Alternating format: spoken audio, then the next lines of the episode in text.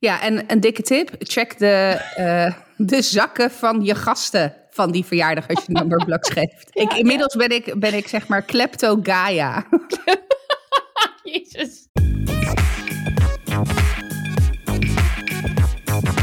Hey, welkom in het nieuwe jaar. Leuk dat je weer luistert. Het is aflevering 130 van Dit is 30. En we're back. Is, we're back, inderdaad. Als jullie dit horen is het 12 januari. We nemen op op de 10e.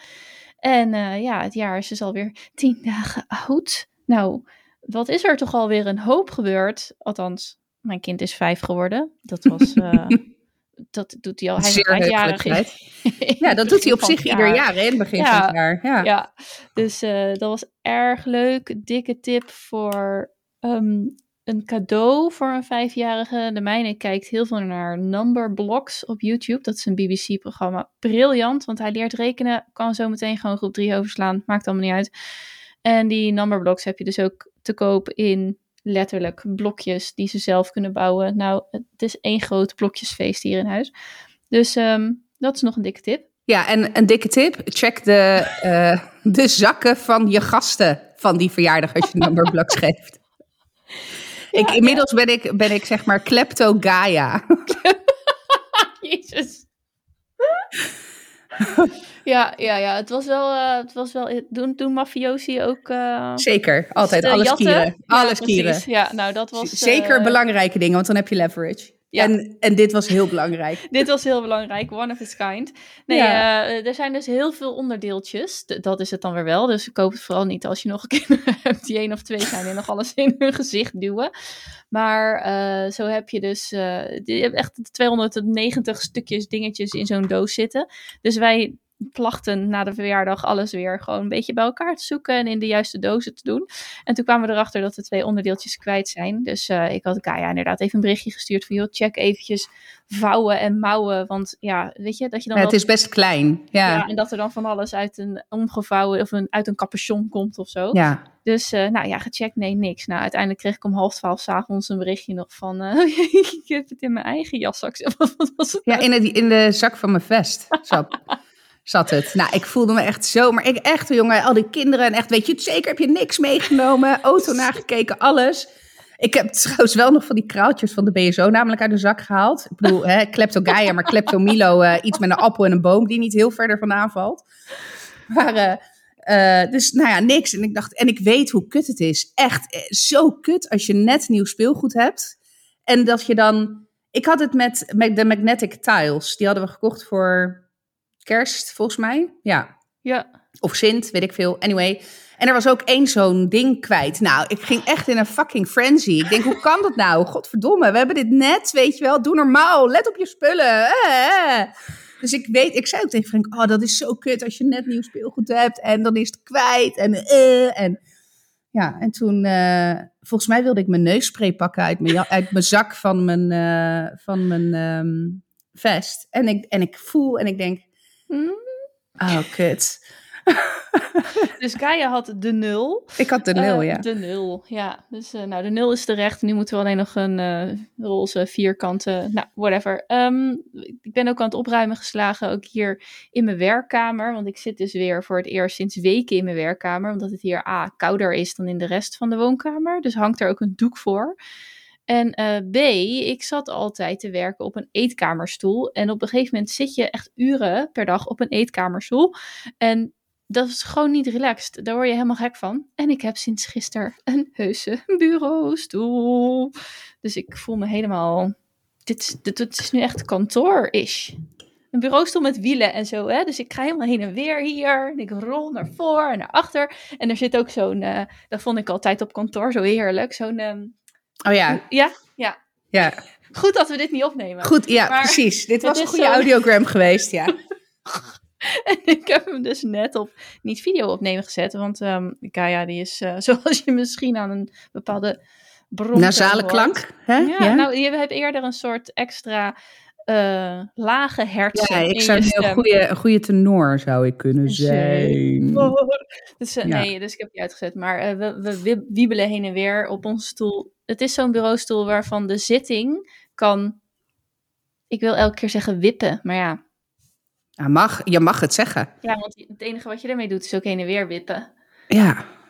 Kan je trouwens ook doen op een bureaustoel, hè? Even. Kan je ook? Ja, maar vooral op deze, want deze heeft ook geen... Heeft geen uh, leuningen, geen zeker? Dus, Oh, ja, daar kan je heel goed op wippen. Ja, ja. Goeie uh, teksten weer. Dus welkom weer bij Dit is 30 in het nieuwe jaar. Ja, the, we didn't change.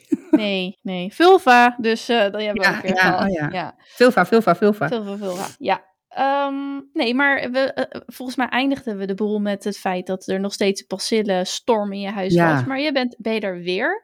Mm. Ben je weer ziek of ben je er nog steeds niet bovenop? Nou, ik, ik ben er nooit helemaal 100% bovenop gekomen, maar dit is wel een nieuw virus, zeg maar. Dus eh, ja, weet je, net zoals heel Nederland, denk ik. Ja. Of de, de helft van Nederland. En eh wij doen een soort van eh eh, tikkertje met, eh, met virussen. Ja. een soort virusestafette. Ja. Ja. Dus nu ben was ik het haasje. Maar nou, het is wel wat ik wel echt, want ik pretendeerde altijd, en dat is ook echt zo tot dit jaar, niet zo heel bevattelijk te zijn voor verkoudheidsvirussen. Ik was nooit echt verkouden. Ik- Buikgriep had ik wel standaard ieder jaar één keer. Maar goed, dat is eh één, twee dagen je helemaal leeg kakken en kotsen en dan ben je er ook klaar mee, weet je wel. Ja. Voel je je vaak nog wel een paar dagen in een vaatdoek, maar ja, prima, weet je wel. Eh, maar verkoudheidsvirussen ben ik nooit zo eh, gevoelig voor geweest. Tot, tot dit jaar. Dit, eh, ik, dit is al de vierde of zo. Denk ik, vanaf oktober. En dit, dit keer ben ik ook meer het bokje dan Frank. En ook heftiger, dat is het. Frank is standaard eigenlijk het hele seizoen een soort van verkouden is. Maar ja, ja, die blaft een beetje en die heeft een beetje last van zijn neus. En that's it, weet je wel. Die, die, die ramt gewoon vrolijk verder in het leven. en eh, nee, ik heb echt... eh, nou, ik, ik vertelde je net voordat we op de opname... Opname, ja ja, opnameknop drukte. Ik had vorige week donderdag... Normaal gesproken hebben we altijd op donderdagmiddag MT. En ehm, alleen eh, op 1 januari was mijn leidinggevende 25 jaar in dienst. Dus we zouden een surprise etentje... Of zouden, er, we hebben een surprise etentje voor hem georganiseerd. En daardoor was het MT van de middag naar de ochtend verplaatst.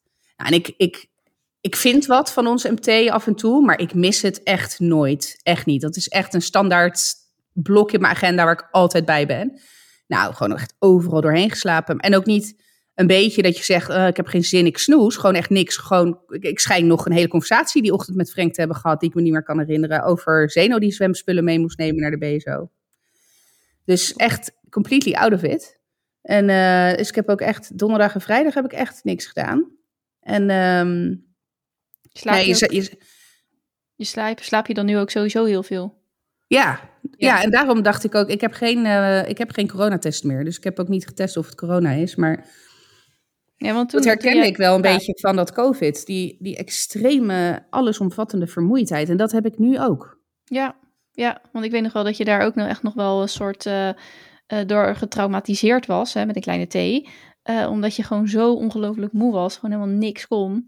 Ja, Ja, nou ja, ik ja denk toen, echt, ik, eh, toen ik gevaccineerd werd inderdaad, toen had ik dat Dat ook. Alleen het, dat, ja. dat was maar één dag. En toen dacht ik echt, oh hell no, weet je wel. ja. Maar het is niet zo heftig als met, met COVID toen hoor. Ja, maar, Maar, ik eh, denk echt, maar dat heb ik hetzelfde. eh, even terug. Wij zouden met Louis natuurlijk naar het ziekenhuis gaan. Die, die afspraak is inmiddels wel geweest. Maar die is elke keer verzet omdat de doktoren ook een soort estafette ziek, eh, griep hadden. Ja, die Dus pikken natuurlijk ook wel eens op. Van die, Ja. eh, van die zeker kinderartsen, denk ik. kinderartsen, Ja. ja. dus eh, doen we even gewoon een aanname hier.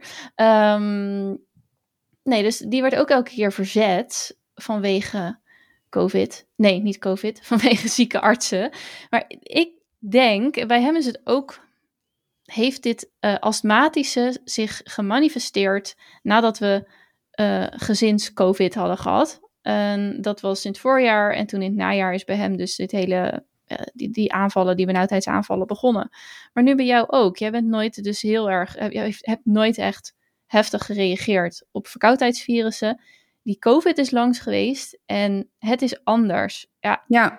ik doe hier ook gewoon complete aannames uit de lucht. Maar Oh ja, het zou best. Het, Ja. zou, ik bedoel, het zou een kausaal verband kunnen hebben. Eh, Ja. Geen idee. Ehm, ik ben wel van ons allemaal het ziekst geweest van COVID. Dat geldt voor Louis ook. Hè? Die was Ja. ook volgens mij het ziekst Ja. van jullie allemaal. De rest heeft hij is eigenlijk vrij chill- relaxed door COVID heen ge- gewandeld, zeg maar. Ehm, Het zou kunnen, ja, geen idee. Maar ik vind het wel echt bloedirritant. Maar ook omdat Ja. het duurt ook heel lang. Dat vind ik ook irritant. Want, nou, wat ik al zei, weet je, het is begonnen in oktober ergens met het eerste verkoudheidsvirusje. Nou, dat was allemaal nog wel prima. Toen ben ik, eh, toen ben ik al een week echt goed ziek geweest dat ik niet heb gewerkt. En voordat ik niet werk, Mhm. dan moet ik echt wel ziek zijn, zeg maar. Ik, ik, eh, zeker omdat ik ook, nou, 90% van mijn werk thuis kan doen. Is de drempel om me echt ziek te melden is vrij hoog, zeg maar. Want ja, weet je, of ik nou op de bank Netflix zit te kijken of achter mijn computer eh, wat formuletjes zit te bouwen. Ja, moi, Naar weet je je. mailbox zitten kijken. Ja, nee, maar snap je, dus de, de impact, lichamelijke impact is niet zo heel, eh, is niet zo heel groot. Ehm, maar goed, dus ik ben al een week ziek geweest toen. Ja, en nu weer dat ik echt denk, ja, wat de fuck gek. Echt rot op gewoon. Ik ben er echt wel, wel klaar mee. Dus, ehm, maar goed, nu zit bij mij natuurlijk ook wel, ik rook natuurlijk, dus zit bij mij ook nog wel een leefstijldingetje wellicht. Heb overgewicht en dat soort dingen, waardoor... eh, laat ik het zo zeggen, het, ik, ik, daar zit ook niet per se een kausaal verband in. Want ik rookte ook voor, daarvoor en ik had daarvoor ook overgewicht. Maar ik begin me nu wel steeds meer bewust te worden van het feit van, joh, weet je, ja, je wordt ook gewoon ouder. Weet je, ik ben pas 34, maar ja, weet je, dat ik toch wel nu ook steeds meer met dat leefstijl zit van, ja, guy, potverdorie, het wordt wel tijd nu, zeg maar, om, eh, om er iets aan te doen. Ik heb ook Ja. al bijvoorbeeld maanden niet mijn suikerwaardes gecontroleerd, weet je een soort van kop in het zand. Nou, en als er iets funest is voor je energieniveau, is het een te hoge suikerwaarde. Dus Ja, maar doe jij nog die medicatie? nee, al heel lang niet Ja. meer, omdat ik daar niet tegen kan. Nee, ik, werd eh, ik- ja, daar werd je ziek van. daar werd ik echt ziek van, ja. Ja. Van die, ik, ik heb tijd Ozempic eh, gespoten. De grap is trouwens dat, dat Ozempic, dat is nu helemaal de rage, schijnt in Amerika eh, als eh, afvalmedicijn. Ik denk, oh, ik heb hier nog een paar spuiten liggen in mijn koelkast. Dat is, eh, Sorry. Maar. Ja, nou ja, precies, ja. Maar ik werd, daar, ik werd daar echt doodziek van. Ik ging aan de scheiterij en eh daar ja, werd ik hen- echt niet... ja. afvallen.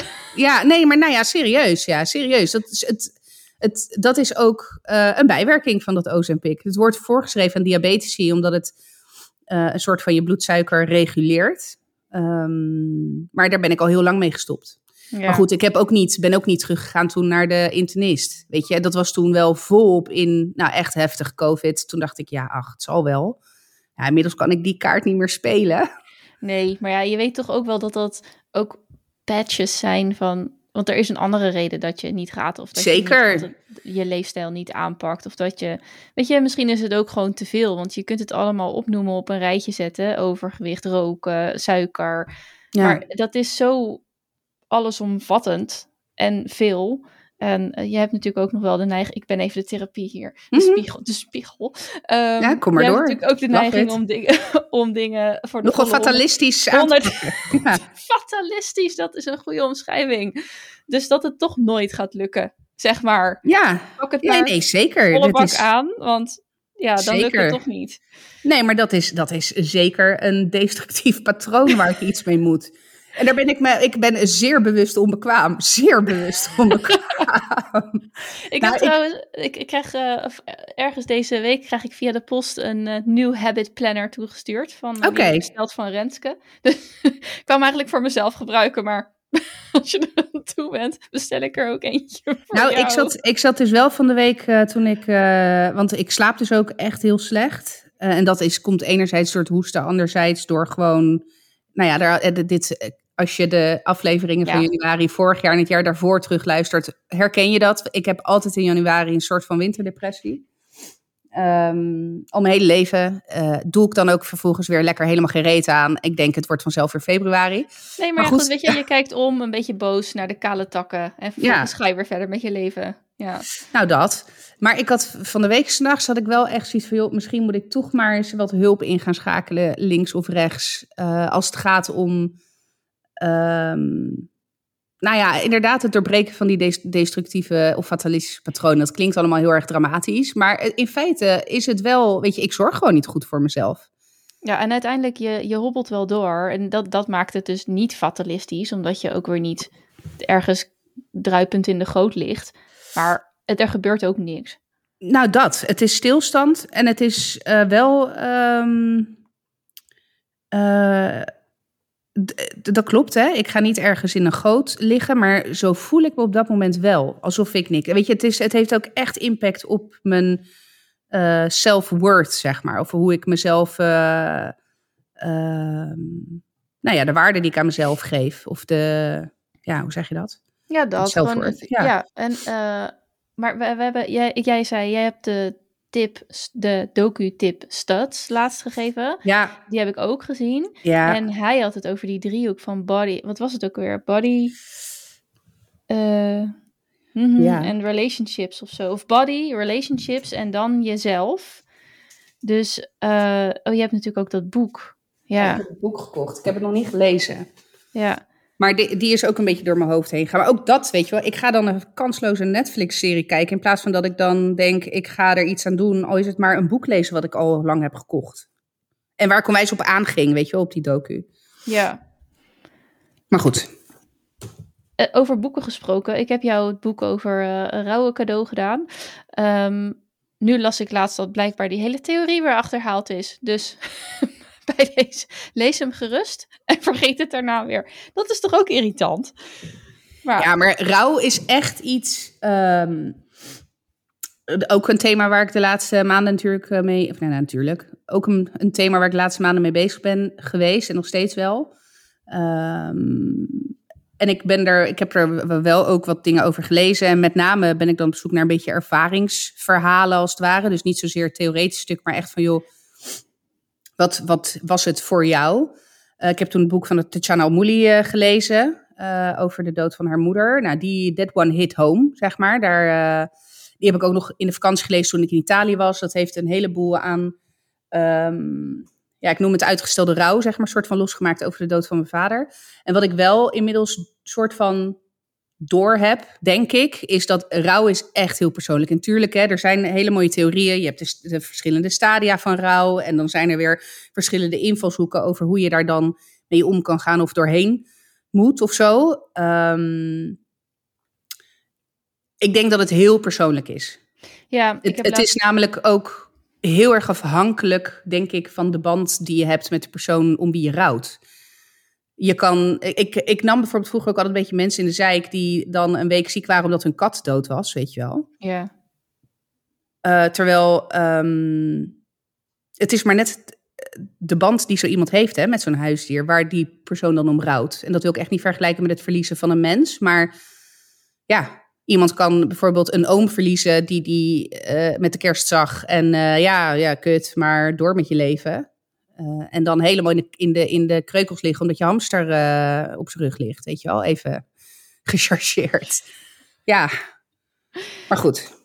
Ja, nee, maar dit is ook, dat, dat is het ook. Ik heb laatst eh, voor Taboekast eh, ging het de hele maand december over rouw. En ook daar blijft, blijft structureel terugkomen van, ja, er zijn stadia. En inderdaad, de theorie is fijn om te hebben. Maar uiteindelijk is het voor iedereen zo persoonlijk. En voor de ene duurt het ook, of misschien is het altijd een ongoing proces. En stop je Ja. daar nooit meer mee.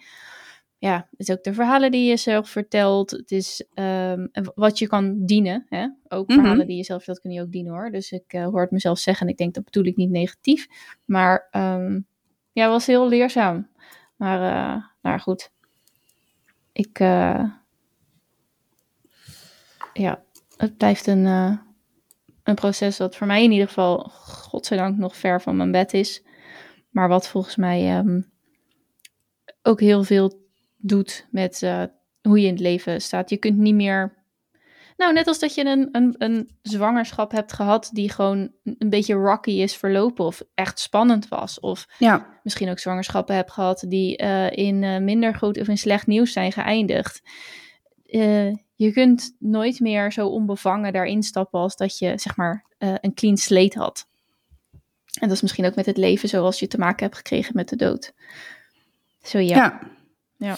Ja, en wat, wat ik doe, en dat, dat kenmerkt mij wel in, in alles hoor. Ik ben wat dat betreft echt een kop in het zand steker. Ik negeer het gewoon. En ga door. En dan op een gegeven moment kan je het natuurlijk niet meer negeren. En dat doe ik niet alleen met rouw hoor. Dat doe ik met ongeveer alle heftige emoties die ik... eh, Ja, nou ja, dat is gewoon mijn kopingsmechanisme. Dat heb ik blijkbaar ooit een keertje aange mezelf aangeleerd. Nou, Eh, weet je, sorry, ik onderbreek je. Nee, nee, nee, ja, zeg maar. Ja, ik moest vanmorgen nog denken aan. Wij zijn ook bezig met eh, school en hoe gaat dat met onze kinderen. En ik heb laatst een, eh, een formulier moeten invullen waarin ik over onze middelste een aantal ja, persoonlijkheidskenmerken heb ingevuld en zo. Dan denk je eens na over zo'n kind. En je hebt ook meerdere kinderen, dus dat vergelijk je. En onze jongste is nog, die, die is natuurlijk ook qua taal helemaal niet zo. De taal staat bij hem niet voorop. Het zijn meer cijfers en het is dansen en het is uitbeelden en spelen en acteren. Ehm, en taal komt ergens daarna. En voor de oudste is dat anders. En voor mij ook en voor jou ook. We zijn zo gerationaliseerd. En ik fietste naar huis vanmorgen en op een gegeven moment dacht ik... Als kind ben je alleen maar aan het voelen. Als klein kind. Je voelt alleen maar en je, je hangt daar geen gerationaliseerde woord aan. En uiteindelijk leer je de woorden die bij zo'n emotie passen. En stop je met voelen, maar ga je erover nadenken. Dus het enige wat je doet erover is denken. Terwijl het voelen, eh, je, je, gevoels, je gevoel stopt niet. Het, wordt, het is niet dat je gevoelsleven overgenomen wordt door je hersenen. Maar de manier waarop je er naar kijkt, of waarop je het ruimte geeft, doet dat wel. Dus, oh ja, je rationaliseert. Ik voel me ongelukkig of ik voel me zenuwachtig, want ik heb zo meteen een presentatie. Eh, prima. En dan, dan is dat nog niet zo heel erg. Maar ja, het is, je groeit op als kind en op een gegeven moment ga je van dat magische naar dat realistische. Maar dat betekent niet dat we stoppen met voelen. En dat ik denk dat voelen een te kleine plaats heeft in het leven op het moment dat je 8, 9, 10 en verder bent, gaat worden. En uh, daar, ik denk ook dat veel, echt niet iedereen, maar dat veel van onze leeftijdsgenoten daar op dit moment ook wel tegenaan lopen. Misschien is dat standaard zo als je ergens in de 30 bent, dat je jezelf zo, je hebt jezelf tot aan, het, aan een jaar of uh, 1, 2, 3, 4, 35 gerationaliseerd, gedacht.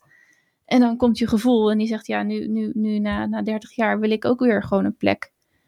Um, ik, ik weet het niet, of dit is natuurlijk ook weer aannames op basis van eigen ervaring, maar het viel me zo binnen op die fietstocht vanmorgen terug van school naar huis, dat ik dacht, ja, ja, we moeten ook kunnen blijven voelen zonder dat we daar uh, woorden aan, zonder dat we dat willen wegzetten met, een, met het juiste etiketje erop en dat het dan vervolgens maar in de hoek moet blijven staan en stil moet blijven staan. Ja, maar dat is wel een treffende vergelijking, denk ik, ja. Dat klopt wel. Ja, ja. Dus uh, vond het interessant. Ik ben sowieso. Uh, het houdt me bezig. Dus ik ben benieuwd hoe ik dat bij mezelf de komende tijd inderdaad ga ontdekken. Van waar, waar probeer ik het? Of waar heb ik gewoon mezelf inderdaad de gewoonte aangeleerd? Wij allemaal. Om het maar gewoon weg te rationaliseren. Of, of te diagnosticeren, een soort van. Inderdaad, een A4'tje op te plakken met, nou, dit is het. Ja. en dan zetten we het daar neer. Maar dat, dat doet gevoel helemaal niet. Dat is juist. En dat is ook dat verhaal met die shadows van studs. Geef het maar de ruimte, want het is er gewoon. Ja. Ja, en dan waar ik dan altijd bang voor ben. En dat komt denk ik ook wel omdat ik een, een ik noem nu, hè, ik zeg altijd een beetje gekschreeuwd winterdepressie, maar ik heb op mijn zeventiende een echte depressie gehad. Um, en dat is ook wel een soort van angst die je dan hebt op het moment dat je je gevoel toelaat. Dat het je niet, het moet je niet consumeren. Ik, het, precies, het moet je niet gaan uh, lam leggen, zeg maar. Dat is mijn uh, idee, hè? Van, joh, gevoel is allemaal leuk, je mag best een traantje laten, maar het moet je niet, het moet je niet gaan, gaan um, overheersen, zeg maar. Dus het moet je niet gaan lam slaan. Dan moet ik denken aan een gesprek wat wij ook hebben gehad uh, met uh, de huisgenoot uh, erbij. over rouw. Van joh, maar wat is dan acceptabel? Weet je wel? Wat, wat is voor jou dan geaccepteerd? Ja, weet ik veel. Ja, een week, weet je wel. Ja, dat slaat natuurlijk echt helemaal nergens op. Maar dat is wel iets, dat is een van de redenen waarom ik het niet toelaat. Omdat ik bang ben dat als die Pandora's box open gaat, ook omdat ik al heel lang niet echt in mijn gevoel heb geleefd of vanuit mijn gevoel heb geleefd, uh, dat ik dan ook wel bang ben voor de consequenties die dat met zich meebrengt. Ja, een van die geïnterviewden zei ook van dat ze zegt: Ik heb drie maanden thuis gezeten. En, en van tevoren dacht ik echt drie maanden. Zou ik denken, drie maanden, wat doe je in die drie maanden? Weet je wel? Ja. Ga je drie maanden niks doen? hoe, hoe, hoe, hoe? Maar ze zegt, ja, dat had het blijkbaar nodig. Maar ja, als je nu het idee hebt van als ik het toelaat, dan ben ik straks drie maanden uitgeschakeld of weet ik het wat. Ja. dat, dat is nogal wat.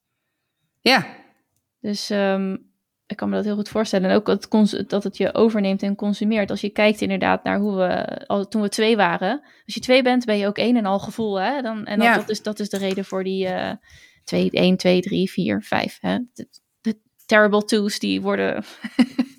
als mensen nog ouders moeten worden, zijn niet per se behou- voorbehouden aan alleen het tweede levensjaar van nee, een zeker kind. niet. Nee, nee, Eh, helaas. we- wel als je Mason heet, dan eh, heb je daar tot sowieso weinig eh, van. Nee hoor. Ehm, maar goed, zo'n tantrum is ook... Het gevoel wordt zo sterk, de emotie wordt zo sterk en kan nog niet goed gereguleerd worden. Dus het neemt je helemaal over als baby, als kind. En dus ga je gillend op de grond liggen, omdat dat het enige is wat je nog maar kan Ja, gillend op de grond liggen. En eh, daarom vind ik het ook zo sneu. Als ik dan ook. Je weet natuurlijk niet iets van de achtergrond en hoe moe zo'n ouder al is hoor. Maar dan hoor je wel eens ook zeggen van, nou, doe normaal, sta op. Dan denk ik van, ja, maar je vraagt nu een volwassen reactie van een kind van twee. mhm. They just can't. Het is vervelend, het is ook naar om te zien. En het is naar voor het kind zelf, want het is helemaal niet leuk om in zo'n tantrum te zitten. Maar ja, het is net alsof ik tegen jou eh, zeg, eh, nou, vlieg even omhoog. ja, Sla je vleugels uit en vlieg gewoon. ja. Ja, oké. Ik- Dat kan ik niet, want ik kan niet vliegen. Dus, ja. Goh. Wil je nog iets eh Nee, aanvullen?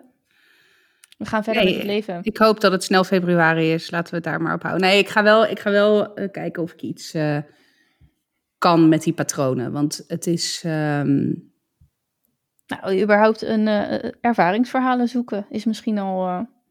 Ja, nou even los nog van, van de rouw of zo, maar meer gewoon dat, dat, nou, dat destructieve, weet je wel, dat, eh, en dat stilstaan. Ik, Ja. eh, daar, daar wil ik vanaf. Dat vind ik heel irritant, want daar, daar ben ik aller, echt, echt, daar heb ik echt een allergie voor. En dat doet echt exponentieel wat met mijn eh, gevoel over mezelf, zeg maar. En dat, dat druppelt dan natuurlijk door in, alles, in al het andere, zeg maar. Dus, ja, het is eh, allemaal met elkaar verbonden. ja, dus ik, heb- ik ben echt een beetje mezelf eh, aan het verliezen, soort van. In het, nou, tenminste, ik, ik zit nu echt in een soort van autopilot, zeg maar. Ik doe wat ik moet doen, ongeveer, weet je wel, echt het hoognodige eigenlijk. To be honest. Super inactief. En dat komt ook door de griep en door weet ik veel wat. Maar ik, ik, misschien leun ik daar ook wel een beetje in, zeg maar. Snap je wat ik bedoel? Ja, dat snap ik wel. En het hele januari-verhaal. Maar misschien, het, het, weet je, het mag ook. Soms mag je ook gewoon jezelf even de tijd geven en zeggen van februari is vroeg genoeg. Ja. Omdat januari gewoon al, al moeilijk is. Eh, Ze zeggen toch ook, ik zag aan het einde van het jaar allemaal van die posts van, nou, ik heb dit gedaan, ik heb dat gedaan en super fantastisch. Maar er waren ook mensen die zeiden van, nou, dat is ook heel fantastisch als je allerlei grootse zaken hebt bereikt. Maar misschien is het voor jou al wel een grootse zaak als je, en dan is, wordt het wel wat meer in het extreme getrokken, als je gewoon uit je bed bent gekomen.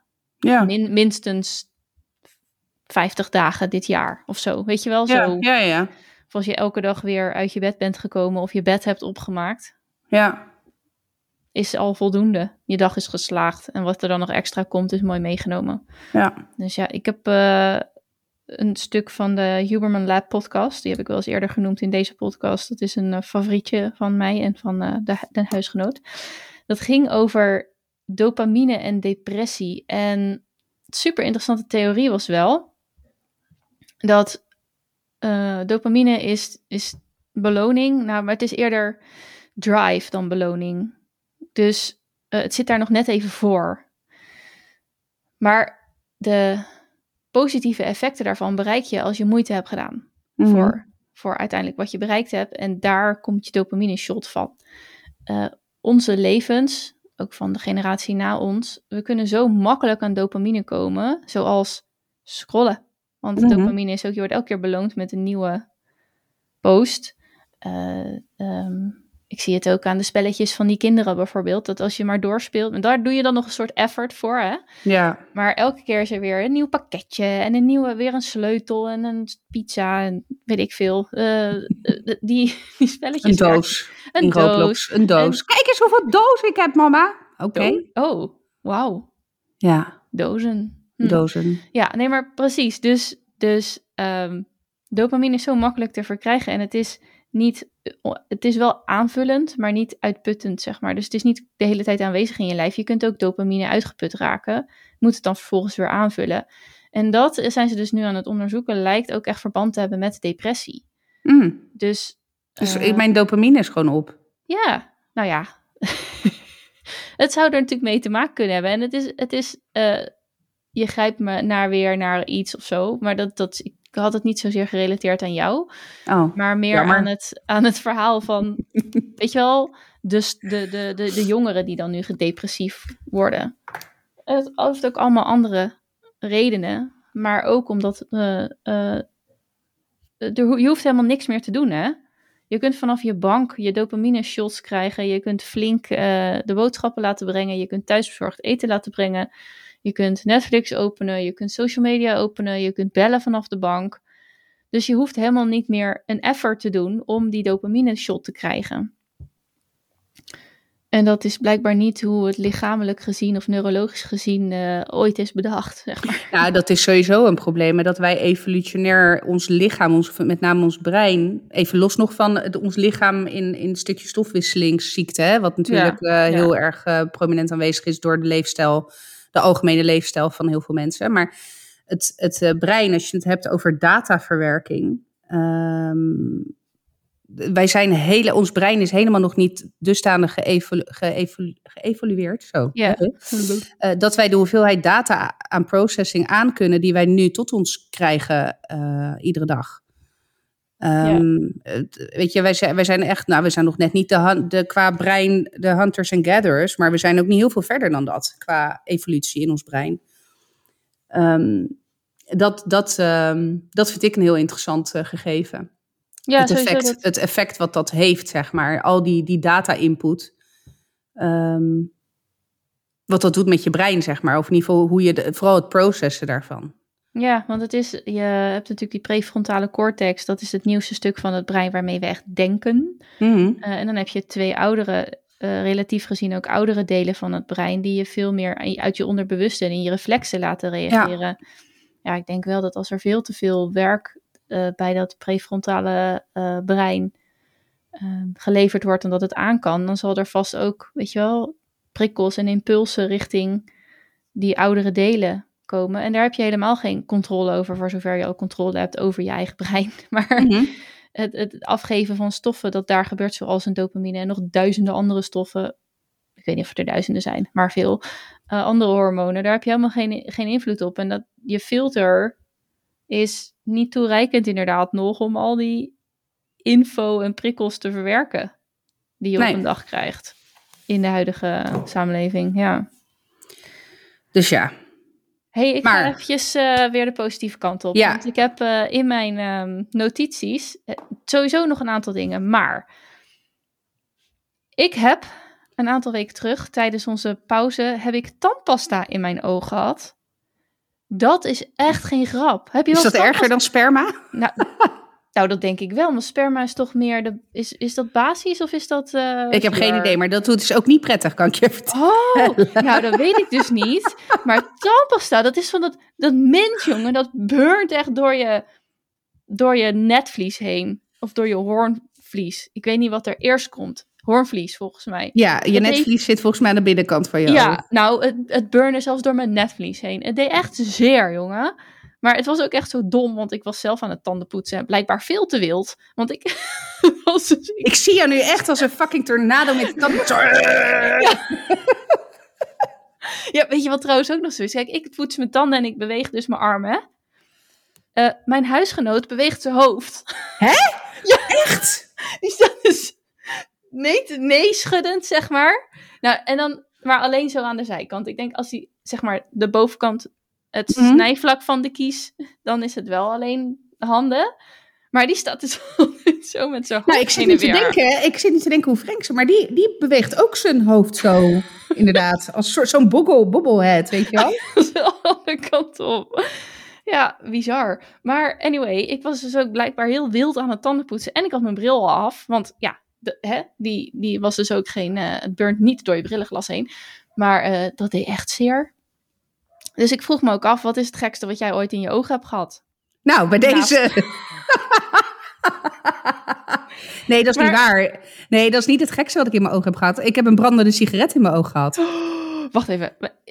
Oké, ik noteer hem even. Brandende sigaret. Maar Ja. oog. eh, oh ja, ik noteer natuurlijk gelijk voor de show notes. En ik kan helemaal niet twee dingen tegelijk. Dat kunnen wij allemaal niet. Eh, maar oké, sperma. Pijp jij dan met je ogen open? Is dat dan de conclusie? Omdat je. Ik weet niet meer hoe dat precies ging. Het is al heel lang geleden. Ik, Oh. weet niet meer, ik weet niet meer precies hoe dat ging. Aha. Maar ik weet wel dat het is gebeurd een keer. En dat het. Ik had ook een rood oog daarna. Oh, nou, Ja. dat is een echt irritant spul. Ja, Letterlijk. Ja. letterlijk. Ja, ja sowieso. Oh, dat heb ik helemaal niet. Ik dacht dat dat heel. eh, nou, niet, in ieder geval niet zurig of zo was. Eh, Hoe zeg je dat? De pH-waarde.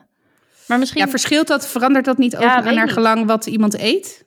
Ja, misschien wel. En nu denk ik ook, ja, maar zeep heeft een hoge pH-waarde. Of is in ieder geval niet zuur. Dat is eerder Nee, is basis. Dus, en dat doet ook zeer in je ogen. Dus waar ik dan die eh, conclusie vandaan trek... dat basische dingen in je oog minder eh, pijn doet, dat weet ik niet. Nee, dat is Maar- onzin. Want de grootsteenontstopper is een van de meest basische dingen die je hebt. Ja, en dat wil je echt niet je op je oog. huid of in je ogen eh, hebben. Nee. Dus het, het, het- zowel een te hoge als een te lage pH pH-waarde doet gewoon damage. Ja.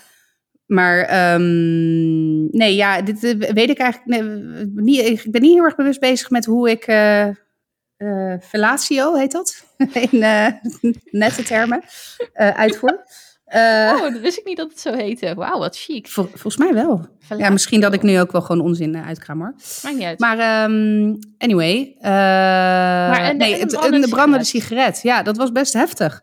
Maar letterlijk echt de sigaret? Of was er asdwarrel? Nee, het was echt de sigaret. En dat ging echt. En je ziet ook, ik zal, het, ik zal je Ja. foto straks laten zien. Want ik heb dus een bruine vlek in mijn oog. Ik moest daar gelijk aan denken. Aan Ja, dat, is daarvan. aan dat vlekje. Ja, dat is van die brandende sigaret. Godzijdank vlak naast mijn iris.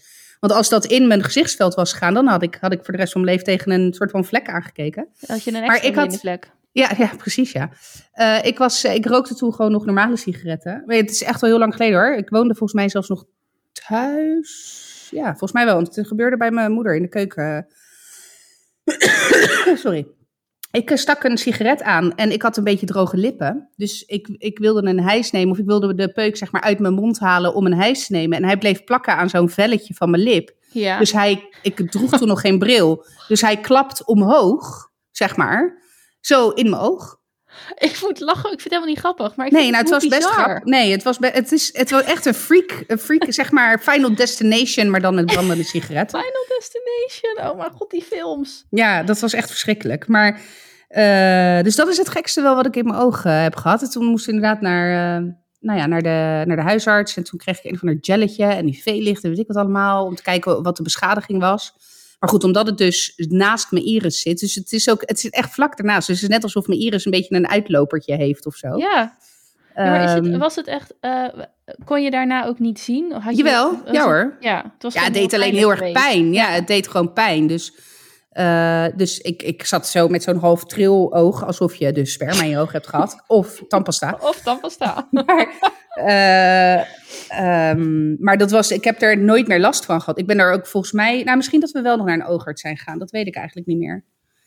Ehm, maar ik heb er geen eh, schade of zo aan overgehouden, omdat het dus niet in mijn gezichtsveld zat. Maar het is Nee. wel echt een, een brandplek. Zeg, ik met brandplekken op gekke plekken. Ja. ja, want vertel eens Kaya. Jij, jij bent een van de vuurwerkslachtoffers. Ik ben een vuurwerkslachtoffer. 2023. Ja. Ja, nou en we hadden met z'n allen een heel spectaculair verhaal verzonnen over dat ik een van de kinderen gered had van een mortierbom die eh eh, eh, dienskant op werd geschopt of zo. Maar ja, ik moet toch echt eerlijk toegeven dat het met een fucking kansloos sterretje is gebeurd. ja, ja. Ja, we stonden bij jou in de tuin om, eh, nou, kwart over twaalf, hè. En eh, ik, eh, ik had vuurwerkpakketjes gekocht. En daar zaten dus ook sterretjes bij. Dus ik ben echt geen held met vuurwerk. En dat is echt een understatement. Want, en dit is ook weer zo'n bewijs, ik kan het gewoon niet. Ik kan gewoon, ik en vuurwerk is gewoon geen match. Ik kan het niet. Er gebeurt altijd ellende. Maar goed, ik dacht, een sterretje, mwah, dat kan ik aan. Weet je wel, dat kan ik. En wat me wel opviel, het duurde fucking lang voordat dat sterretje aanging. En toen die eenmaal wel aanging, toen ontvlamde die in een soort van steekvlam, kwam daar aan de bovenkant uit. En ik voelde ook meteen, shit, dit, Ja. is, niet, eh, dit is niet goed. Eh, dus toen ben ik meteen eigenlijk naar binnen gegaan eh, om te koelen. En wat me ook opviel, het was, de brandwond was wit toen. En ik voelde er niks meer aan. En ik dacht echt, ja, kut, dit is zijn mijn zenuwen zijn gewoon gefried. Dus dan heb je het over een derde graads brandwond. Maar goed, op een gegeven moment, na tien minuten koelen, dacht ik ook, ja, ik voel toch niks, het zal wel. En op een gegeven moment werd ik echt een beetje naar Ja. ervan. Ja. En eh, toen heb ik ook nog eh, pijnstillers gekregen, zo van jullie. Dus die heb ik naar binnen gewerkt. Ik denk, ja, als ik maar slaap vannacht. nou, uiteindelijk ging het slapen prima. Maar dat, die plek die werd steeds lelijker eigenlijk. En eh, nou ja, nu is het inderdaad... nou, als je een plaatje opzoekt van een derde graads brandwond... dan ziet het er ongeveer zo Oh, uit op de zijkant ja. van mijn vinger. Dus het is inderdaad... ja, ik voel er nog steeds geen pijn aan. Dus dat is wel op zich relaxed. Want normaal gesproken brandwond is natuurlijk echt fucking pijnlijk. ja, volgens mij een van de ergste pijnen die er is. Ja, ik. nou ja, Dat, dat valt heel erg mee. Eh, want ja, er zitten, de zenuwen zijn gefried, zeg maar. Ja, Maar eh, dit was wel... eh, ja, het ene douche is alleen kut. Want ik wil die, die wond droog houden, zeg maar. Omdat ik, Ja. het is, er zit een hele dikke korst. Het heeft nu helemaal, zeg maar, soort van korst is er overheen gegaan. Het is niet geblaard of niks. Want ja, dat schijnt niet te gebeuren met diepe tweede graads en derde graads brandwonden. Nou, dat kan ik beamen. Er is geen blaar ontstaan. Maar er zit nu wel een goede dikke korst op. Ik denk, nou prima, weet je, want dan kan die huid daaronder helen. Zonder, want het grootste probleem met brandwonden is vaak infectiegevaar. Dus douchen is nu wel een beetje kut. Dus dan, dan doe ik zeg maar pleister erop en dan een latex handschoentje eroverheen. In de hoop dat het soort van droog eh, eh, blijft. Ehm, dus ja, dat. Maar eh, ja nee, het viel me inderdaad op. Ik zag wel dat je naar binnen ging en je, en je vinger in het water hield. Ik denk, oh ja, weet je wel, eventjes. Maar je stond echt heel lang bij die kraan. En toen dacht ik, oh, wacht even.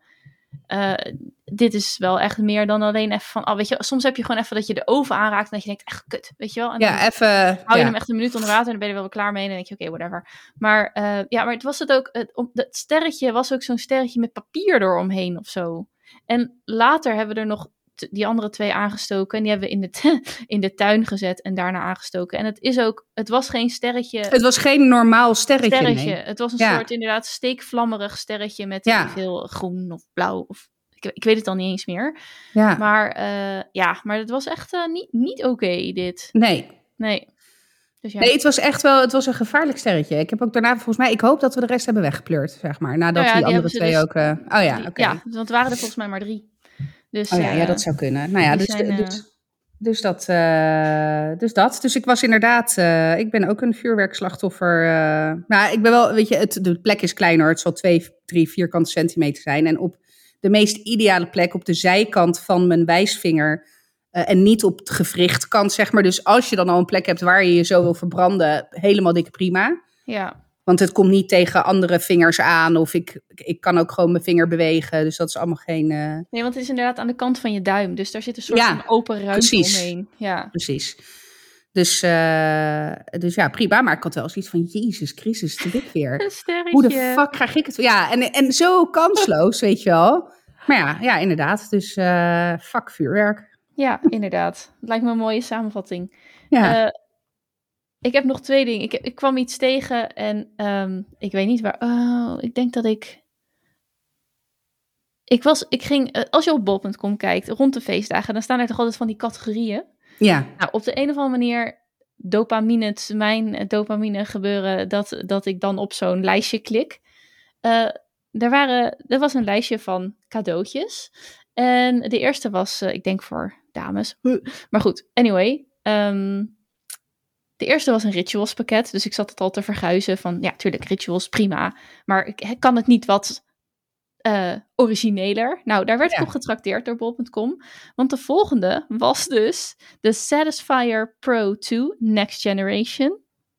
Dus een, Lucht- eh, ja, druk- luchtdruk. Drukvibrator. Oh, heb je? Dat is, Luchtdruk. ja, dat is echt, ik heb er een. Maar dan heb je dus niet die, dat het aangeraakt hoeft te worden.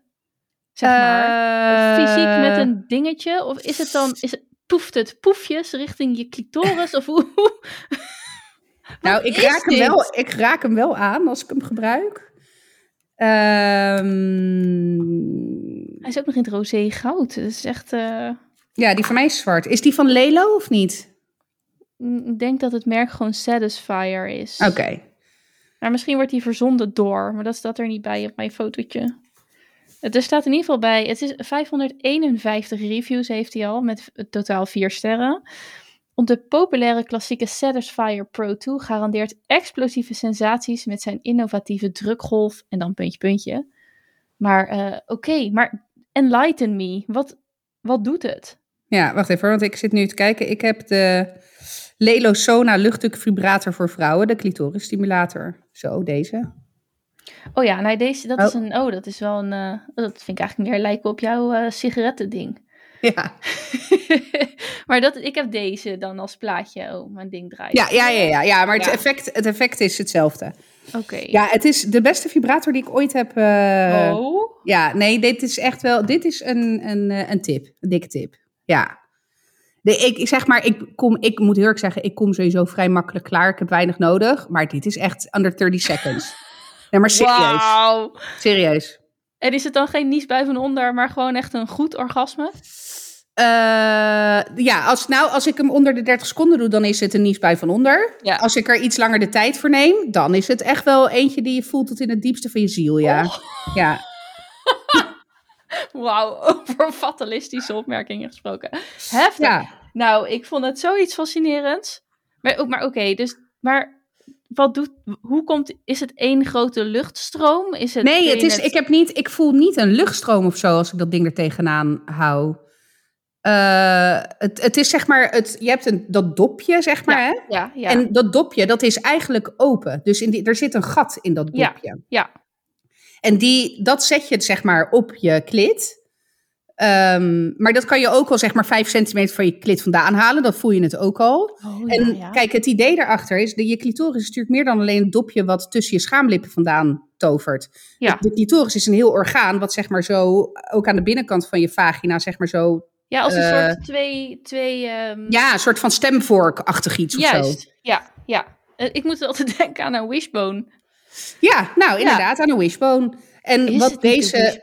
Oh ja, nee, ga wat, ja, ja, de- evolutionair gezien inderdaad. Ja, Eh, nou, het is in principe gewoon hetzelfde als de eikel van de man, hè? Ik bedoel, alleen Ja, dan naar dat- binnen. precies. Maar die is gewoon bo- een bolletje. Een bolletje, Maar ja. die zit, daar zit natuurlijk ook een soort tweedeling-ish aan de onderkant. Of noem je dat aan de bovenkant? Nou, anyway, ga verder. Ja. Ehm, wat, die, wat dat ding stimuleert is niet alleen het dopje, maar dus echt door die, die luchtdruktrilling of zo, wordt echt de hele clitoris gestimuleerd. Ah. En daardoor kom je en veel sneller klaar en is ook het orgasme veel Intenser. intenser. Als je er maar, in, in all honesty, als je er de tijd voor neemt. Kijk, wat ik al zei, ik heb echt weinig nodig eh, om, om eh, klaar te komen. En dus kan ik het echt letterlijk, nou ik heb het nooit getimed, maar het, ik, ik zal volgende keer zo Ja. een timer naast zetten. Ja, Het maar dat heb echt- ik ook hoor. Dat herken ik wel. Bij mij is het ook allemaal niet zo. Maar als het maar ontspannen en niet te heftig. De... Ik heb Nou, deze die van mij heeft zes standen. Nee, die Ja. van mij heeft zes standen. Eh, en dan kan je dus zes vibratiepatronen. En Oh, ja. daarnaast kan je ook nog in intensiteit, zeg maar. Dus je hebt ook nog een plusje en een minnetje. Dus je hebt dan de zes vibratiepatronen van gewoon een constant dezelfde eh, tot eh, eh, eh, eh, en dan eh, en dan nog andersom. En, en dan heb je, en die, die, als ik zeg maar onder 30 seconden, dan pak ik die. Dat is zeg maar een wisselend patroon. Dat is dan. Oh, dus dan wordt het een soort van- een soort van. Verrassingseffect. Ja, precies. Precies, en daar zit dan één langgerekte, hele intense in. Ja, en daar, dat is gewoon, zo, ik weet zodra die, dan aan de- Ja. Geef me nog drie seconden. Maar als ik er de tijd voor neem, dan, ga je, dan speel je een beetje met die verschillende Ja. eh, standen, zeg maar, die vibratiepatronen. En dan kom je steeds meer in, eh, nou ja, Ja, tot aan het, het hoogtepunt. het hoogtepunt. Dus eh, ik, dikke tip hoor. Ik heb hem. Ik heb hem volgens mij, ik wil zeggen, vorig jaar voor kerst gekregen. Van, ook mijn, waarschijnlijk uit het bol.com lijstje. Precies. Nee, ik had deze een keertje gezien bij een Italiaanse influencer. Mm. Nou, ik vond het uh, reuze interessant. En eh, ik ben blij dat ik nu ook een review uit de eerste hand heb kunnen krijgen. Zeker. Nee, ik eh, zeg eh, dikke tip voor 1 april. Ja, ik eh, vertel, denk ik vertel jou nog eens iets nieuws. Maar dat is dus alweer niet, eh, Nee, nee. niet het geval. Heb jij wel eens een kokkering geprobeerd? Nee. Ja, die lag nu onder de boom dit jaar. Oh, Ook van... Sorry. ook van Lelo. Dus dat was dan een vibrerende... We hebben hem ook nog niet geprobeerd, want griep en zo. Ik moet er nu Ja, echt even nee. niet aan denken. Griep, vakantie, kinderen thuis, Ja, je weet dat. wel. Ja. Oh. Maar ook van Lelo. ehm, ehm, en dat is een, een vibrerende kokring. Daar ben ik ook wel heel benieuwd naar.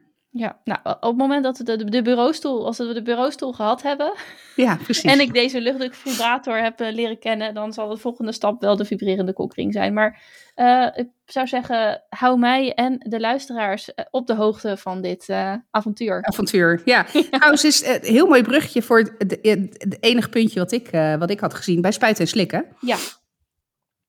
En dat was een post en dat ging over Dry January. Eh, over, hè, vind je dat maar saai klinken en ben je liever nat dan droog? Nou, daar ga ik al goed op, weet je wel, vind ik al, eh, vind ik al hilarisch. Dan is Wet January misschien we- wel eh, het voor jou. Het gaat hierbij niet om alcohol, maar om masturberen. En niet om minder, maar om meer. Het is een challenge om in januari iedere dag seks te hebben met, jawel, jezelf. nou, En hoe werd erop gereageerd? daar heb ik niet gekeken eigenlijk. Oh, Ik zag alleen de post en daar ging ik op aan. Ik dacht, ja, nou leuk. ja, maar dit zijn de doude inhakers waar je wel wat mee kan. Ja, tuurlijk. Ja, nou ja, en, en ik bedoel, het, hè, het, vervroeg je Satisfier en eh, ga met die banaan, zou ik zeggen. Ja, hoppatee. Ik kan de rest van januari nog aan de slag. Nee, maar mas- masturbeer jij wel eens? Ja, de laatste tijd eigenlijk alleen maar functioneel als ik niet kan slapen. Dus dat is Ja, oh, dat doe ik ook. Ja, maar dat, dan denk ik wel, ja, oké, is het verworden tot dit? Maar nogmaals, weet je wel, net als dat je zegt, Ja. oh, het is januari. Ah, eh, ik neem het even zoals het komt. Het komt wel weer goed. Maar eh, Ja. ja, het, is echt, het is echt een van de stappen van nou, hè, eh, mediteren, bodyscan meditatie, tot masturbatie, tot whatever. eh, opstaan en een rondje lopen. Hoe kan ik in godesnaam weer in slaap komen? Ja. Ja. oh ja, maar dat herkent gebruiken die. Ja, dat herken ik. Dat, die zit zeg maar op stap 1 in mijn arsenaal. eh, Oh, hoe ik in slaap kan komen. Ja. Ik, ik masturbeer liever dan dat ik opsta en een rondje loop. Want ik weet dat als ik opsta en een rondje loop, dan ga ik niet meer liggen. Hmm, ja, ja, ik wel. Ik duik dan echt met liefde weer dat bed in. Dus ehm, eh, nee, maar ik, ik heb er ook echt een soort. Je hoorde het al meteen. Ik heb er ook echt een soort weerstand tegen. Ja. Ik denk, eh, ik wil gewoon dat het weer. Ja, op de goede manier. Ik weet niet, dat is natuurlijk ook iets wat je jezelf aanpraat. Maar ja, dus dat is, eh, dat is bij mij nu eventjes dat, eh, dat gevoel erbij. Maar heb je dat altijd al gehad? Of heb je masturbatie ook wel echt gedaan vanuit plezier en zelfliefde en Ja, gewoon nou ja. seksualiteit? eerder plezier. Ik weet niet of ik het echt ooit heb gekoppeld aan zelfliefde. En, ehm, want in mijn vorige relatie was er meer de afwezigheid van seks tussen twee personen. Ook, dat kwam vooral uit mij hoor. Eh, omdat ik gewoon andere gevoelens had en niet meer zodanige gevoelens voor mijn ex. dus dan is het een soort van ver, eh, nou, vervanging is een te groot woord. Dat doet het ook niet helemaal recht. Ehm, het was bijna zo, en dat is niet heel die relatie geweest, maar dat is hoe ik het me herinner aan het eind. Het is bijna zo dat je hebt altijd seksuele gevoelens, altijd, je hebt gewoon seksuele gevoelens. En mijn keuze was dan om het met mezelf te doen, want dan hoefde ik het vanuit mijn kant uit niet met hem te doen. Ja. Eh, ik sla het even wel een beetje plat, maar eigenlijk kwam het daar wel op neer. Dus ik had er wel plezier aan. Maar er zat, dat was niet helemaal vanuit eh, volledige openheid of zo, weet je wel. De relatie die ik nu heb, is het onderdeel van eh, niet altijd, eh, want ik heb dat ook voor mezelf, maar het is ook onderdeel van ons gezamenlijke seksleven. En dat maakt het. ehm, ja, ik weet niet welk woord ik daaraan wil geven. Ik wou zeggen waardevoller, maar dat is ook niet waar. Anders. Ja, het maakt het wel eh, anders en ook heel plezierig. En nou ja, daarom als ik het nu alleen maar functioneel inzet, vind ik het dat nogal irritant. Omdat ik denk van ja, dat is, het is meer waard dan dat, hè. Het, is, Mhm. eh, het, het kan meer zijn. Dus, ehm, maar ja, dus, dus ja, zowel alleen als samen. En bij jou? Ja, hetzelfde. Zowel alleen als samen. Ik gebruik het de laatste tijd ook vooral functioneel. Ehm, maar ook wel eens als ik gewoon ehm, niet lekker in mijn vel zit of zo. Dat ik denk, oh, Mm. je het hebt over dopamine shotje. nou, dan denk ik, nou, laat ik even die satisfier erop zetten. Dan voel ik me daarna wel weer wat beter. Ja, Dus, uh, maar het, ik, ik, doe het vrij weinig vanuit. Uh, Echte opwinding? Uh, ja. Ja, dat nee, denk ik wel. Ja, nee, ik dus ook niet. Dan is het meer de, de opwinding omdat we samen bezig zijn dan, um, dan los, zeg maar. Maar het is ook zo omdat, ja, vooral in ons geval, wij zijn vooral nu echt wel altijd bij elkaar. Ja. Dus je hebt ook niet um, nu die fysieke afstand waardoor je naar elkaar kan gaan verlangen, zeg maar. Mm -hmm. uh, want hij is er. Dus, nou ja, dat als er dan verlangen is, dan zou dat meteen Tenzij daar natuurlijk ik, andere wezens in dit kunnen huis. worden. Ja. ja. dan zou dat meteen ingewilligd kunnen worden. Dus misschien is dat, dit is wel een interessant inzicht eigenlijk. Wat dat doet met je seksleven, als je, nou, als je er altijd de opportunity hebt. Ja, in ieder geval wel met het seksleven met mijzelf. Ja. Want zeg maar, hij had natuurlijk nachtdiensten, avonddiensten. Ja. Uh, en dat is dan echt wel anders dan um, als je altijd maar met elkaar bent. Nou ja, het is inmiddels uh, een maand ish, een maand, anderhalve maand. Dus uh, nou, zo lang is het nog ook weer niet. Maar dit is een goede om in de gaten te houden. Dus dat, dat was mijn ja. puntje. Wet January. En dan Wet niet zozeer qua de, met de alcohol. Maar uh, ik moest trouwens wel lachen om ons, uh, speaking of alcohol, met oud en nieuw. we, hadden, we hadden natuurlijk, we hadden nog wijn over van kerst. Dus dat, dat is al een unicum, zeg ja. maar. Vanuit kerstavond was het natuurlijk altijd samen vieren. Dus uh, we hadden die wijn de voorraad meegenomen. En het was volgens mij half elf voordat we voor het eerst dachten, omdat de sparoot op was. Ja, ja, dat we, ja, als we dan toch weer een nieuwe fles sparoot, nou neem dan ook maar even die wijn mee. Ja, ja maar dat is zo anders dan vorige dan, dan, nou het is een beetje afgekalfd de laatste jaren. Ja. Is dat dan ook 30? Dat als je dertiger wordt, dat je op een gegeven moment denkt, ja, maar die kater en uh, ik weet het niet. Ik, ja, ik, dus... ik, ik weet het ook niet. Ik, heb, ik moet eerlijk zeggen, ik heb best, best gedronken hoor met de kerstdagen. Uh, ik heb dus niet het idee dat ik heb niet het idee dat ik. Of ik heb niet bewust niet gedronken, laat ik het zo zeggen. Nee. Maar we hadden bijvoorbeeld de 21 hadden dat ondernemersfeestje waar ik toen uiteindelijk uh, dankzij Maartje uh, meegegaan ben met jou. Ja. Dat, daar hebben we natuurlijk ook niet gedronken. en ik voelde me de volgende dag zo fris dat ik echt dacht: oh ja, oh, dit is een partij lekker. Dat je wel gewoon een feestje hebt. En, en dat was voor mij wel belangrijk. Kijk, wat alcohol voor mij ook doet, zeker in dit soort sociale gelegenheden waarin je moet dansen en hè, je lichaam moet bewegen. Nou, ik ben natuurlijk altijd super self-conscious over mijn lichaam. Wat alcohol voor mij ook doet, is die remming weghalen. Dus in plaats van dat je in het hoekje staat met een glaasje eh, water, dat je gewoon op de dansvloer uh, gaat dansen. Nou, ik heb, ik heb nul remming gehad, ondanks het feit dat ik geen alcohol had gedronken. Tenminste, ik had het gevoel dat ik gewoon mee heb staan nou, ik ben niet helemaal uit mijn dak gegaan, maar dat zit ik heb sowieso niet echt in. Ik, heb, ik, heb jou, ik heb jou je lichaam zien bewegen. Dank je, ja. precies. Dus, um, en dat was voor mij heel fijn. Dat zei ik nog toen ik thuis kwam uh, met Frank. Toen dacht ik, oh, weet je wat ik nou het fijnste vond? Was dat ik voor het eerst in zo'n sociale omgeving het, niet het gevoel had dat ik alcohol nodig had om te genieten van, nou ja, het bewegen ja. en het, het spelletje, zeg maar, om het maar even zo te zeggen. Want dat is het. Het is natuurlijk gewoon één groot spel. Ja, dat wel leuk. Maar, nee, maar het is echt, het was voor mij ook eerder, onze, onze avonden, om dat maar even zo te zeggen, was ook echt, oh, weet je wel, dat, daar keek ik echt naar uit, want dan kon je gewoon weer een beetje lammig gaan zitten zijn. Ja. Want leuk en grappig. En op de een of andere manier is dat er, dat ik denk, ja, ik heb nog steeds wel dat ik denk, dat is ook leuk. Maar op de een of andere manier hebben mijn oma-hersenen inmiddels uh, het overgenomen. En die zeggen dan, ja, maar ja, inderdaad, dan lig je zo meteen in je bed. Dat, dat vind ik het allerkutste. Ik kan best wel goed uh, kateren, om het zo maar te zeggen. Daar, ben, nou, daar heb ik meestal niet zo giga veel last van. Een paar paracetamol, even vet ontbijten en het is wel weer oké. Okay. Maar dat, dat je dan in bed gaat liggen en dat je die boot ingaat. En dan oh, ja. misselijk wordt. Dus ja, zeg maar, alles ja. is voorbij. Je wil nu wel echt gaan slapen, want je bent er klaar mee. En dat gaat dan niet. Ja, dan, dan, dan, dan word ik zo daar word ik ook gewoon zo zagrijnig van. Ja. Ja, en dat zit dan toch zo'n soort, soort, is het een engeltje of een duiveltje? Dat is natuurlijk een beetje de vraag. Maar zo'n eh, duiveltje op je schouder van, ja, nee, ja. neem er nog maar één. Dan lig je zo meteen weer te schudden of uh, ja. te, te, hoe noem je dat? Te rocken. Te, te rocken ja. in dat bed.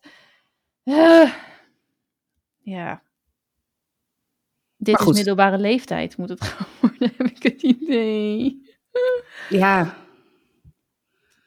Ja, weet ik, ja kijk, ik, ik, eh, ik weet het niet. Ik drink nog steeds, eh, nou ja, graag is niet eens het goede woord, maar ik heb, geen, ik heb niks tegen, niks met alcohol, laat ik het dan maar zo zeggen.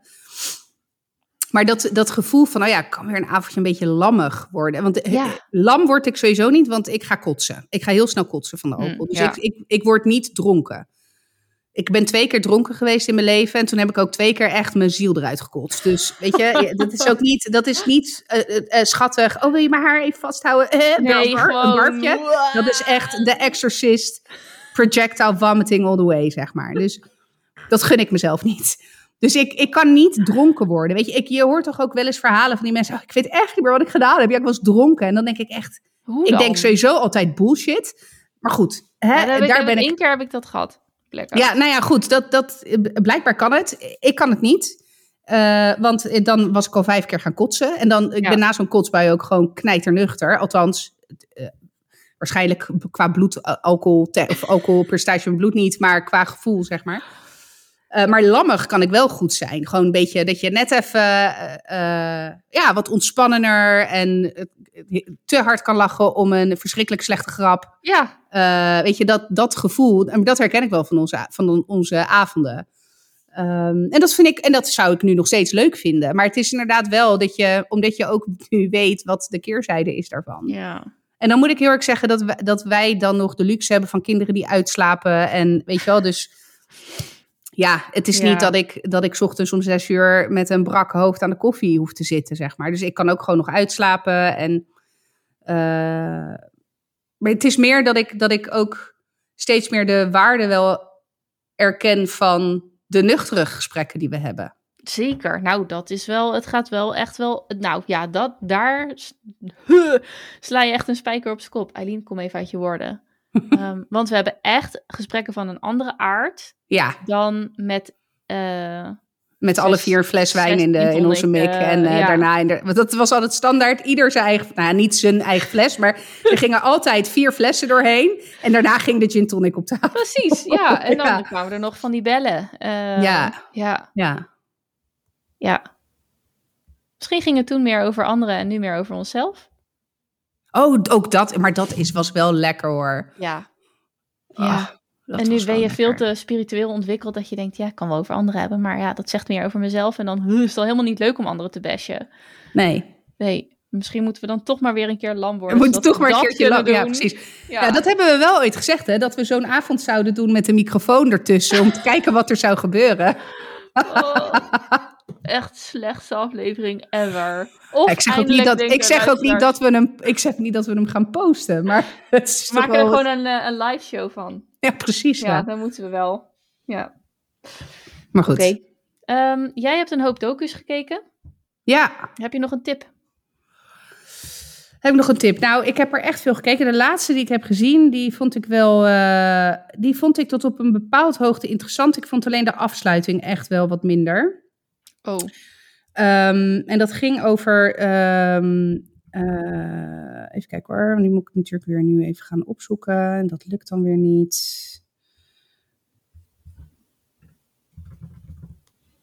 Nee, natuurlijk lukt dat niet. Oké, ik ben de titel even kwijt. Eh, maar het, eh, het, ging, het gaat over een, ehm, een secte. ah. Een Dat is niet begonnen als secte.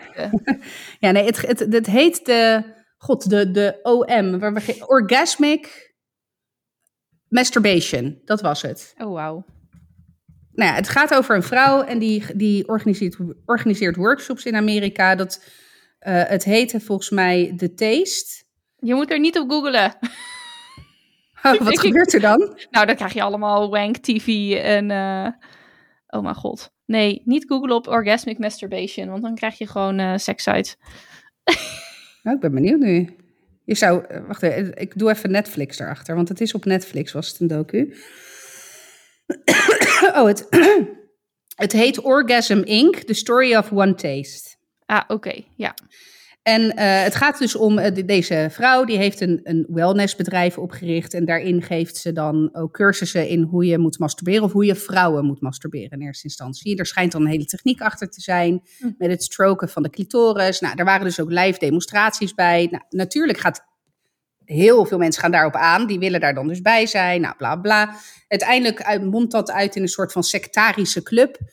Waarin vrouwen ook zeg maar geëxploiteerd werden. Uh, zeg maar dus deelnemers van die, uh, dat, dat bedrijf. Dus werknemers van dat bedrijf. En eigenlijk was het een soort van, nou ja, uh, escortachtig iets, ja. zeg maar.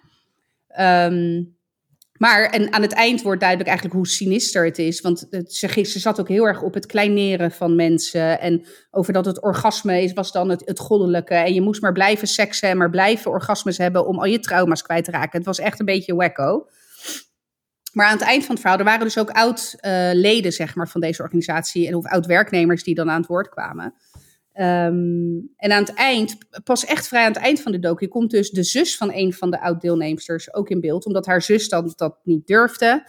En toen kwam er dus ook een heel verhaal over een, uh, een groepsverkrachting uh, naar voren, die, uh, die daar had, zou hebben plaatsgevonden. en, um, en toen was de docu een soort van bloed een beetje dood. Zo van, oké, nou ja, hè, dat, dat, dat is het, soort van. En ik, dat vond ik een Ten eerste vond ik het niet eer aan doen aan het slachtofferverhaal van, van nou ja, deze, deze vrouw. Um, en ik snap, want het ging, de, de docu was geënt op de werkwijze. Hè? Hoe je van een wellnessbedrijf naar een sectarische club gaat. En wat dat dan te maken heeft met, de, met het gevoel van macht. En wat ik wel heel interessant vond, was vaak zie je bij dit soort sectes, of het ontstaan van dit soort sectes, dat het een, een, een patriarchy, zeg maar, dus een patriarchische uh, wereld is. In dit geval was dat niet zo. Het was echt compleet matriarchisch. Dus het waren met name vrouwen. Uh, die, uh, nou sowieso de, de, de founder is een vrouw, maar ook zeg maar de mensen die ze om zich heen had verzameld, die dus de hoogpieven waren, waren ook allemaal vrouwen of bijna allemaal vrouwen. Dus dat vond ik wel een interessante, hè? want we zitten altijd van ja, patriarchy en het is hè, die mannen die dat, nou ja, dat is natuurlijk ook en NS1, hè, maar dat is, dat is dus niet per se een gezegde. Dat, het zit ook in vrouwen en dat heeft dan met name te maken met het stukje macht. Uh, hè, hoe, hoe, hoe zij dus macht had over de mensen en over dat ze daar gewoon uh, nou ja, goed op ging. Kijk, uiteindelijk deze vrouw is zelf gewoon getraumatiseerd. Die uh, heeft als kind ook uh, seksueel misbruik meegemaakt ja. en weet ik wat allemaal. Ja, dit is haar manier dan om te kopen, denk ik. Alleen een beetje jammer dat ze dan dus een hele stortvloed aan andere mensen daarin ehm, heeft meegenomen. Maar ik vond het wel een interessant, ik vond het sowieso fascinerend dat ik denk, ik vind überhaupt um, uh, vind ik sectes vind ik echt fascinerend. Maar echt, echt fascinerend. En met name dat proces vind ik heel fascinerend. Want iedereen zegt het overkomt mij niet. Maar er zitten ook gewoon zeer hoog intelligente, goed opgeleide mensen die daar ook gewoon vol intrappen. Ja. Het is zo geraffineerd, die manipulatie. En die, ik vind dat echt super interessant om dat, uh, om dat te zien. Ja, ik ben ook wel gefascineerd door sectes, maar ik hou me er dus verre van in die zin om dingen te kijken en te lezen, omdat ik dus weet dat het me ook gaat bezighouden. Maar ik snap het wel. Ik ben er ook door ge, uh, geïntrigeerd. En ook dat je zeg maar op elk vlak van het leven een soort sectarisch iets kan ontwikkelen. Ja. Want laatst, ik dacht namelijk eigenlijk dat je heel even een seconde dat je het over die docu ging hebben, maar ik weet daar de naam dus niet van. Maar ik zag ook een docu voorbij komen die ging dan over Um, dus eh, zeg maar spiritualiteit. Dus waar ik dus ook veel van hoor in mijn ondernemersbubbel. Uh, het is echt super interessant. Maar soms ook dat je denkt, hè, waar komt dat dan vandaan? Weet je wel? Echte, die echte kosmische krachten super ver in die verhalen. Uh, dat daar ook sectarische groepen omheen komen. Want ja, als jij niet dat niveau van kosmischheid, ik weet niet, ik heb bereikt, dan weet je wel. Dat mm -hmm. ook op die manier. Uh, ik moest ook gelijk weer denken aan hoe heet die church ook weer in Amerika? Van uh... Scientology. Ja, ja, zo weet je, daar heb je natuurlijk ook toch van die niveaus die je dan moet ja. gaan bereiken. Uh, ja. Dat het ook gewoon best nog wel snel kan gaan. Dat heeft ook weer te maken met rabbit holes waar je in duikt. Zeker. Zorg altijd dat je meerdere invalshoeken tot je neemt, zodat je ja, daar een afgewogen beslissing van. Uh, nou, dat je altijd je moet altijd kritisch blijven kunnen. Je moet altijd kritisch kunnen blijven denken. Ja, maar dat is dat, tenminste dat lastig te zijn. Nou ja, zeker, zeker. Want ik had een andere dook gezien, dat ging ook over een secte, over een uh, moeder die dan dus uiteindelijk haar kinderen ook heeft vermoord vanuit Jezus. die, uh, ja, The Sins of My Mother heet die. Uh, was, vond ik ook echt, echt bizar, bizar. Uh, en dat ging echt nog tien stappen verder dus dan, dan dat Orgasm Inc. Maar ik vind Ja. überhaupt het proces van dat sectarisch en ook hoe zo'n leider dat dan voor elkaar kan krijgen. Dat vind ik echt... Ja, ik vind het ergens vind ik het echt super duister en sinister, maar ik vind het ook echt fucking fascinerend. Dus Ja, dat, en dat is het natuurlijk ook, hè, want dat is ook al een soort, dat kan al een vruchtbare bodem zijn, hè, die fascinatie om daarin meegezoogd te worden. Ja, het, het, het doet iets met je. Ja, Het, het- of dat Ja. dan dopamine is of iets anders. Maar het doet iets Ja. met je waardoor je daar, daardoor naartoe getrokken wordt. Ik heb dan zeg maar gelijk de leestip dan erachteraan. Ik ben het boek aan het lezen van, heb ik denk tegen jou verteld en niet in de podcast. Maar van Pacella van Geutem. Heb ik dat verteld in de podcast? nee, tegen mij volgens Eh, mij. Ja, ijs verkopen aan Eskimo's. En het gaat over ehm, dat de titel Eskimo's moet je maar eventjes eh, daar laten. Maar ehm, het gaat over hoe je mensen, hoe overtuigen werkt. Niet hoe je mensen kan overtuigen, maar ze legt uit hoe het werkt. Ja, En ehm, ja, dat als je dat op de juiste manier doet, dat dat dus. Er worden gewoon onbewuste processen getriggerd bij mensen. En nou ja, dat wordt dus ook gebruikt door dit soort eh zeker. types. Ja. ja. Ja, het is eigenlijk een hardcore marketing eh, verhaal. ja. ja. Zeg maar de duistere kant van marketing. En, en marketing wordt natuurlijk heel erg op bedrijfsprocessen vaak eh, toegepast. Maar eigenlijk is het gewoon, eh, eigenlijk is het gewoon de kunst van het overtuigen, inderdaad. Ja, ja, en mensen laten dingen laten doen waarvan Ja. ze denken dat ze zelf de Ja. besluit nemen, maar waar je eigenlijk heel erg toe hebt. eh, En soms is het ook goed om mensen daar mee te helpen. Hè? Want, Zeker, het is, hele, het is helemaal niet slecht hoor. Ik, ik, ben, hele, ik ben helemaal niet anti-marketing of zo. Ik vind het, Nee. het is gewoon een, een, een prachtig middel, zeg maar, om ook mensen te kunnen helpen. Want ja, we leven in een wereld waarin, eh, nou ja, hè, er wordt altijd gezegd, eh, vroeger kon je drie eh, kleuren auto's kiezen, tegenwoordig zijn het er 3000, bewijs van. Hè? Ja. Dus de, de keuze is reuze. En soms is het ook wel prettig om daarin geleid te worden. Weet je, ik word bijvoorbeeld, weet je, een heleboel mensen ergens zich groen en geel aan de Instagram ads. Ja, ik niet. Ik vind het wel prima, die Instagram ads. Ik heb er echt wel een paar leuke dingen uit kunnen halen. Dat ik denk, nou, of in ieder geval interessant. Net zoals die, eh, dat eh, eh, menstruatieondergoed. Ja, ja, dat, daar ben ik ook via Instagram ben ik daar toen achter gekomen. Nou, ik wil nooit meer zonder, zeg maar. Nee. Dus ja, weet je, het is ook helemaal niet erg. Alleen, er, ik vind wel dat er zit wel een soort van... Je hebt ook onethische marketing, laat ik het dan maar ja, zo zeggen. Maar ja, weet je, alles heeft ook een, een good en een dark side. Ja. En dat geldt hier ook weer voor. Dus eh, nog één klein tipje dan van mij en dan eh, gaan we hem afsluiten. Ik heb, eh, ja, hoe ik hem ga introduceren, dat weet ik niet. Maar ik heb ook het gedicht van Robert Frost, die ik even mee wil geven. Dat heet The Road Not Taken. En het is een vrij bekend gedicht, maar ik heb hem sinds kort ontdekt. En ik ben er helemaal door gefascineerd. Het is een... Het gaat over dat... De laatste zin is in ieder geval... Het gaat dan over hè, twee, twee paden, twee levenspaden eigenlijk.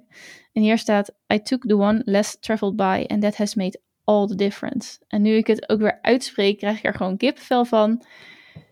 Ik weet het niet. Het heeft me zoveel gedaan, dus deze wilde ik jou luisteraar ook niet onthouden. Ga het gedicht van eh, Robert Frost eventjes opzoeken. The Road Not Taken. En eh, wie weet doet het voor jou ook eh, wat het voor mij doet.